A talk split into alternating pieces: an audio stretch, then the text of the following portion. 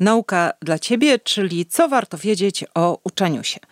Zapraszam do wysłuchania audycji nagranych w ramach programu Nauka dla Ciebie. Nagrody i kary w uczeniu się, czyli jak motywować do nauki. Idealnie, kiedy uczeń, dziecko, dorosły ma wewnętrzną motywację do uczenia się. Ciekawi je to, co poznaje, chętnie podejmuje wysiłek pokonywania trudności, po prostu uczy się. Co jednak robić, kiedy widać, że jego wewnętrzna motywacja nie działa, jest słaba? Motywować nagrodami, wprowadzać kary? Co robić, żeby zmotywować do podjęcia wysiłku uczenia się? Porozmawiamy dziś o motywacji w uczeniu się.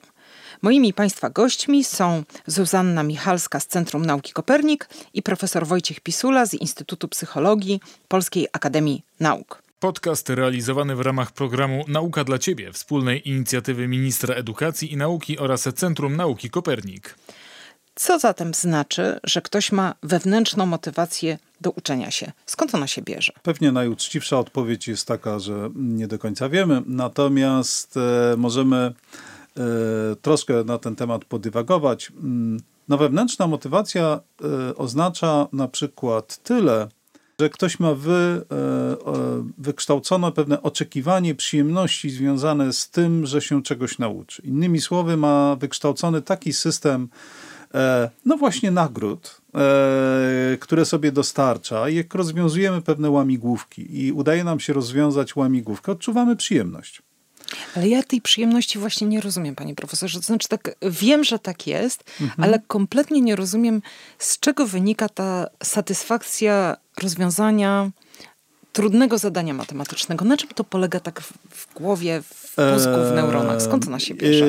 To na poziomie zwierzęcym e, w latach 30. E, przeprowadzono takie badanie, mm, które polegało na tym, że szczury były przyzwyczajane do takiej sytuacji, w której w takiej klatce startowej, z której były drzwiczki, te drzwiczki otwierano i szczur mógł wychodzić sobie do labiryntu.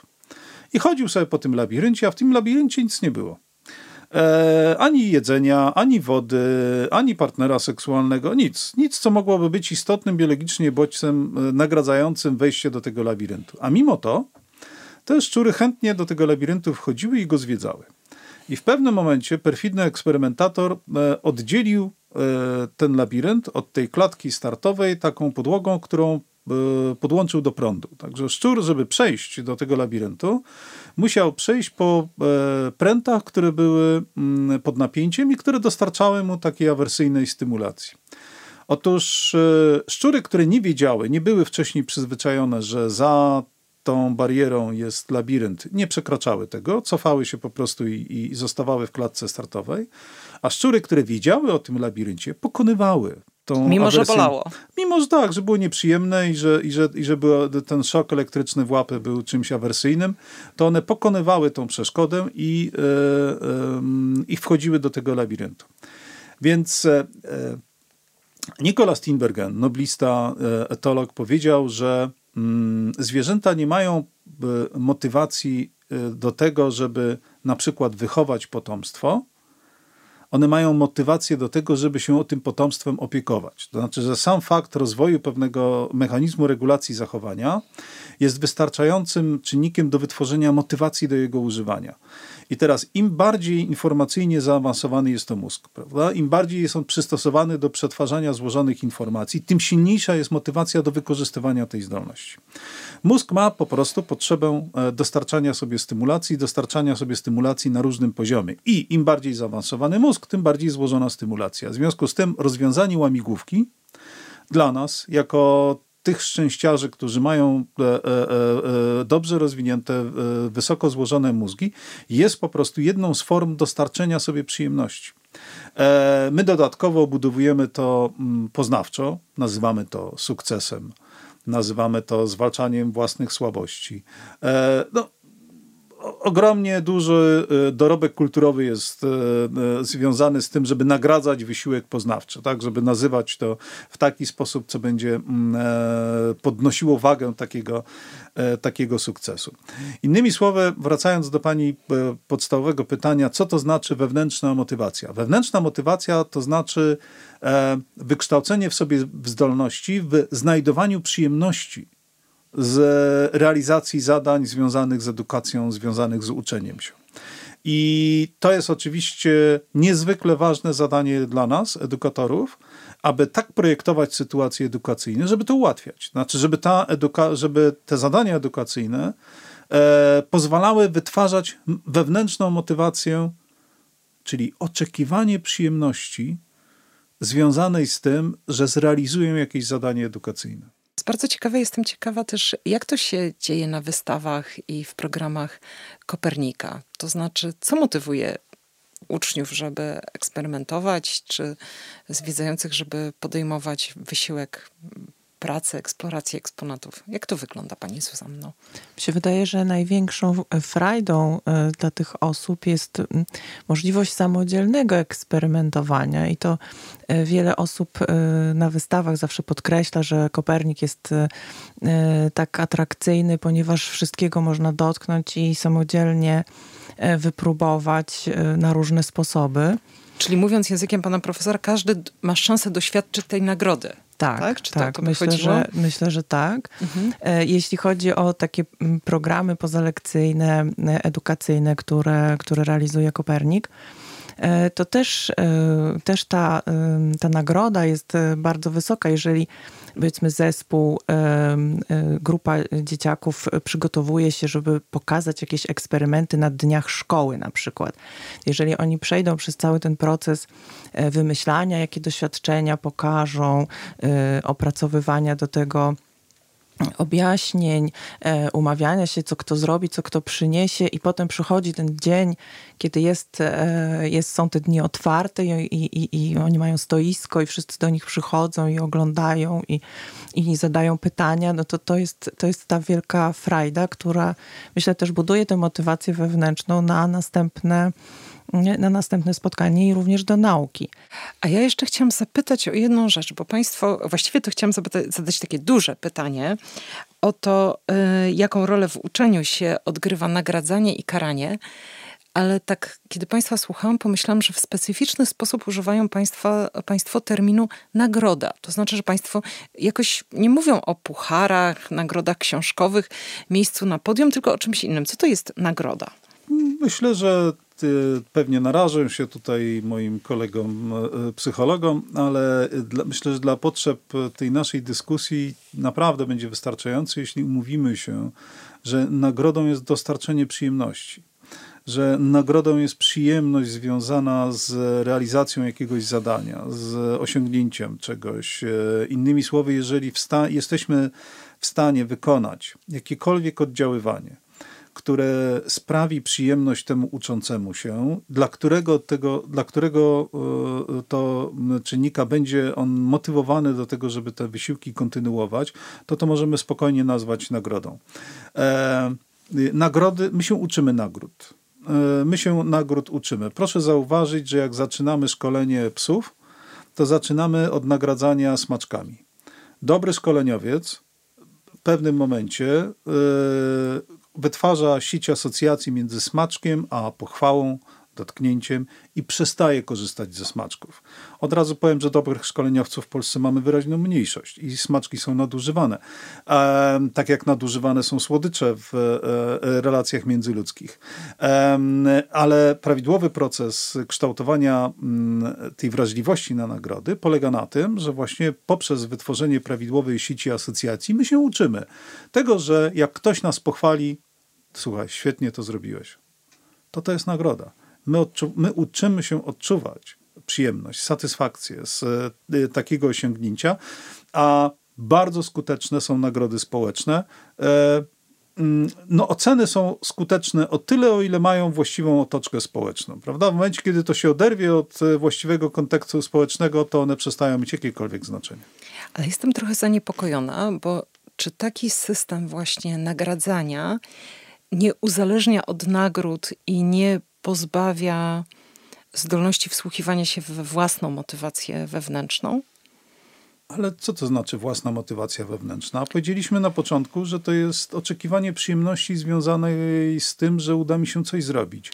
Ja sam sobie jestem w stanie udzielić nagrody, jak napiszę e, kawałek dobrego tekstu, który po, na drugi dzień po napisaniu oceniam, kurczę, dobrze to zrobiłem to, to jest wystarczająca nagroda, nagroda, której sam sobie mm, e, e, udzielam, więc e, to, to rozróżnienie między tym zewnętrznym a wewnętrznym mm, to jest takie rozróżnienie dosyć szare. Nie powinniśmy zbyt ostrej granicy tutaj rysować.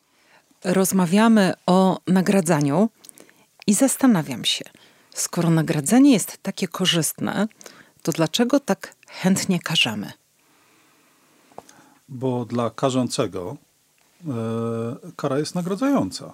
Hmm, Jak, w jaki sposób?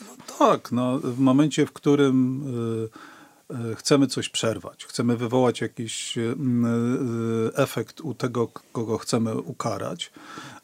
Kara na ogół daje poczucie sprawstwa temu, kto karze. To jest, brzmi strasznie, ale ona jest wewnętrznie przyjemna. E, I w związku z tym e, u osoby karzącej e, istnieje wielkie ryzyko nasilania postaw związanych ze stosowaniem kar. Nie dlatego, że kary są skuteczne, tylko dlatego, że kary są nagradzające poprzez wywoływanie natychmiastowego efektu u ukaranego. Jeżeli na przykład doprowadzimy karą do tego, że dziecko nam się rozpłacze, to co prawda, odroczone następstwa tego płaczu mogą być negatywne, ale tu i teraz to jest nagradzające. E, choć strasznie to brzmi, to e, nagradzający jest sam fakt wywołania zmiany w e, osobie tej, tej karanej. W związku z tym bardzo trudno jest wykorzenić z naszego zachowania tendencję do karania, szczególnie wtedy, kiedy łączy nas relacja podległości, władzy, nad drugim człowiekiem. Czyli czy dobrze rozumiem, że to jest, że niebezpieczeństwo tego mechanizmu polega na tym, że wtedy, kiedy rodzic czy nauczyciel wymierza karę, widzi efekt natychmiast w postaci smutku, płaczu, obietnicy poprawy no, czy silnej reakcji emocjonalnej, a wtedy, kiedy nagradza, to ta reakcja, którą powoduje nagroda, jest odroczona w czasie i trzeba na nią poczekać? Nie, natomiast nagradzamy za rzeczy pożądane, a na ogół karzemy za e, zachowania niepożądane. Aha. W związku z tym mm, one się pojawiają w różnych sytuacjach i myślę, że mm, bardzo wielu nauczycieli e, potrafi e, stosować nagrody i odnosi wielką przyjemność z tego, że te nagrody stosuje. Ale można wpaść w pułapkę polegającą na tym, że na przykład nie jesteśmy w stanie zignorować zachowania niepożądanego. I mamy potrzebę, to trochę temperamentalnie się też układa różnie, e, natychmiastowego zareagowania na wystąpienie zachowania niepożądanego. E, no jak e, reagujemy? No, na ogół jakąś reprymendą, jakimś zwróceniem uwagi, albo złą oceną, albo oceną werbalną, czyli to jest od, odmówić sobie ukarania ucznia e, prawdopodobnie jest relatywnie trudnym zadaniem e, psychologicznie dla nauczyciela, na którym spoczywa m, odpowiedzialność za proces edukacji. E, a y, trzeba sobie y, uświadomić, że skutki karania bywają dewastacyjne. Pożyteczne aspekty kary są znikome, a potencjalne szkody wywołane dla relacji uczeń-nauczyciel, dla samego procesu edukacji niezwykle poważne. No dobrze, to na koniec zapytam Państwa o nagrody, których Państwo doświadczyli w życiu, Państwo osobiście, które Państwa najbardziej zmotywowały do uczenia się. No ja, moja historia edukacyjna taka była mm, pełna meandrów, muszę wyboista. uczciwie powiedzieć. Tak, wyboista. Takim, ja... Rozmawiamy z profesorem tak, zwyczajnym Polskiej Akademii miałem... Nauk. Proszę Państwa, to trzeba teraz zawołać dzieci. Niewiele miałem takich etapów edukacji, w których e, etykieta na, na przykład dobrego ucznia mogła być e, wobec mnie zastosowana. E, na poważnie edukację zacząłem traktować na dwóch etapach. To znaczy, wtedy były to czasy, kiedy były egzaminy wstępne na wyższe uczelnie. O, i wtedy zaskoczyło. I wtedy złapałem wewnętrzną motywację. Wyobraziłem, ja sobie nie wyobrażałem sobie świata, w którym ja bym nie, nie dostał się na, na, na, na uniwersytet. I włączyła się motywacja. I włączyła się motywacja i metodą szturmową, prawda, nadrabiałem różne swoje zaległości. Korzystałem z pomocy kolegów, e, koleżanek. E, to było absolutnie wtedy wszedłem rzeczywiście w zadania, w zadania edukacyjne. I drugi to był etap e, taki, w których już będąc na mm, zaawansowanym studentem, e, no poczułem bakcyla, bakcyla pracy naukowej. Tak? Znaczy poszedłem do Instytutu Biologii Doświadczalnej, nawiązałem relacje z, e, z moim wczesnym nauczycielem, doktorem Renardem Korczyńskim. On mnie dopuścił do doświadczeń i wtedy też poczułem, że te drzwi mogą się przede mną otworzyć, ale ja muszę zainwestować pracę, muszę zainwestować w pewne, pewne osiągnięcia. E, innymi słowy, e, no, e, uświadomiłem sobie, że muszę zaakceptować ten system i reguły tego systemu, żeby, żeby coś osiągnąć. Więc pewnie każdorazowo to są inne ścieżki długo trwało. To jest, proszę Państwa, też to, co bym usłyszała w tej historii. To musiało być tak około 19 roku życia, 18, tak, tak, 19. Bardzo, bardzo, bardzo. Nie, nie, niestety nie, nie można mnie stawiać za wzór. E, Panie Zuzanno, najbardziej trafiona nagroda dla Pani motywacji do uczenia się? Dla mnie to jest zawsze nauczenie się czegoś nowego, ponieważ ja ciągle, ja mam wiele zawodów i wiele prac wykonywałam E, i porzucałam e, jedno miejsce po to, żeby właśnie nauczyć się czegoś nowego, bo prostu stara rzecz już mnie e, przestawała interesować. Właśnie nie, nie czułam tej motywacji. Dlatego tutaj chyba największą nagrodą jest dla mnie możliwość uczenia się, po prostu sama możliwość odkrywania nowych rzeczy. Ostatnia największa satysfakcja to napisanie rozdziału teoretycznego doktoratu. No to Państwo tutaj. To ja proszę Państwa, żeby nie brzmiało tak jakoś bardzo wyrafinowanie, to powiem, że ja usłyszałam taką prostą, piękną nagrodę no, trzy miesiące temu. E, postanowiłam nauczyć się dobrze pływać i opanowałam żabę krytą, ale w takiej porządnej, sportowej wersji. I usłyszałam od swojego trenera, Pani Ilono, przepiękna żaba. I ja od tego czasu, proszę Państwa, już następny styl też opanowuję i to też pokazuje, że nigdy nie jest za późno. Ale jaka jest siła nagrody społecznej? Proszę zauważyć, człowiek, który jest dla Pani autorytetem w tym zakresie, udzielił Pani nagrody e, i Pani o tym opowiada. No tak, oczywiście. Proszę pana, jak się w, po dziesięciu basenach człowiek taki trochę jednak zmachany wy, wypłynie i słyszy piękna żaba, to po I prostu... I to też jest coś dla naszych nauczycieli jesteście wielkimi autorytetami dla swoich uczniów. E, macie ogromny kapitał, ogromne narzędzie. Ta pochwała od Was uczyni cuda. Bardzo dziękuję za rozmowę. Gośćmi spotkania był e, profesor Wojciech Pisula z Instytutu Psychologii Polskiej Akademii Nauk i Zuzanna Michalska z Centrum Nauki Kopernik. Rozmowę prowadziła Ilona Iłowiecka-Tańska z pracowni Przewrotu Kopernikańskiego Centrum Nauki Kopernik.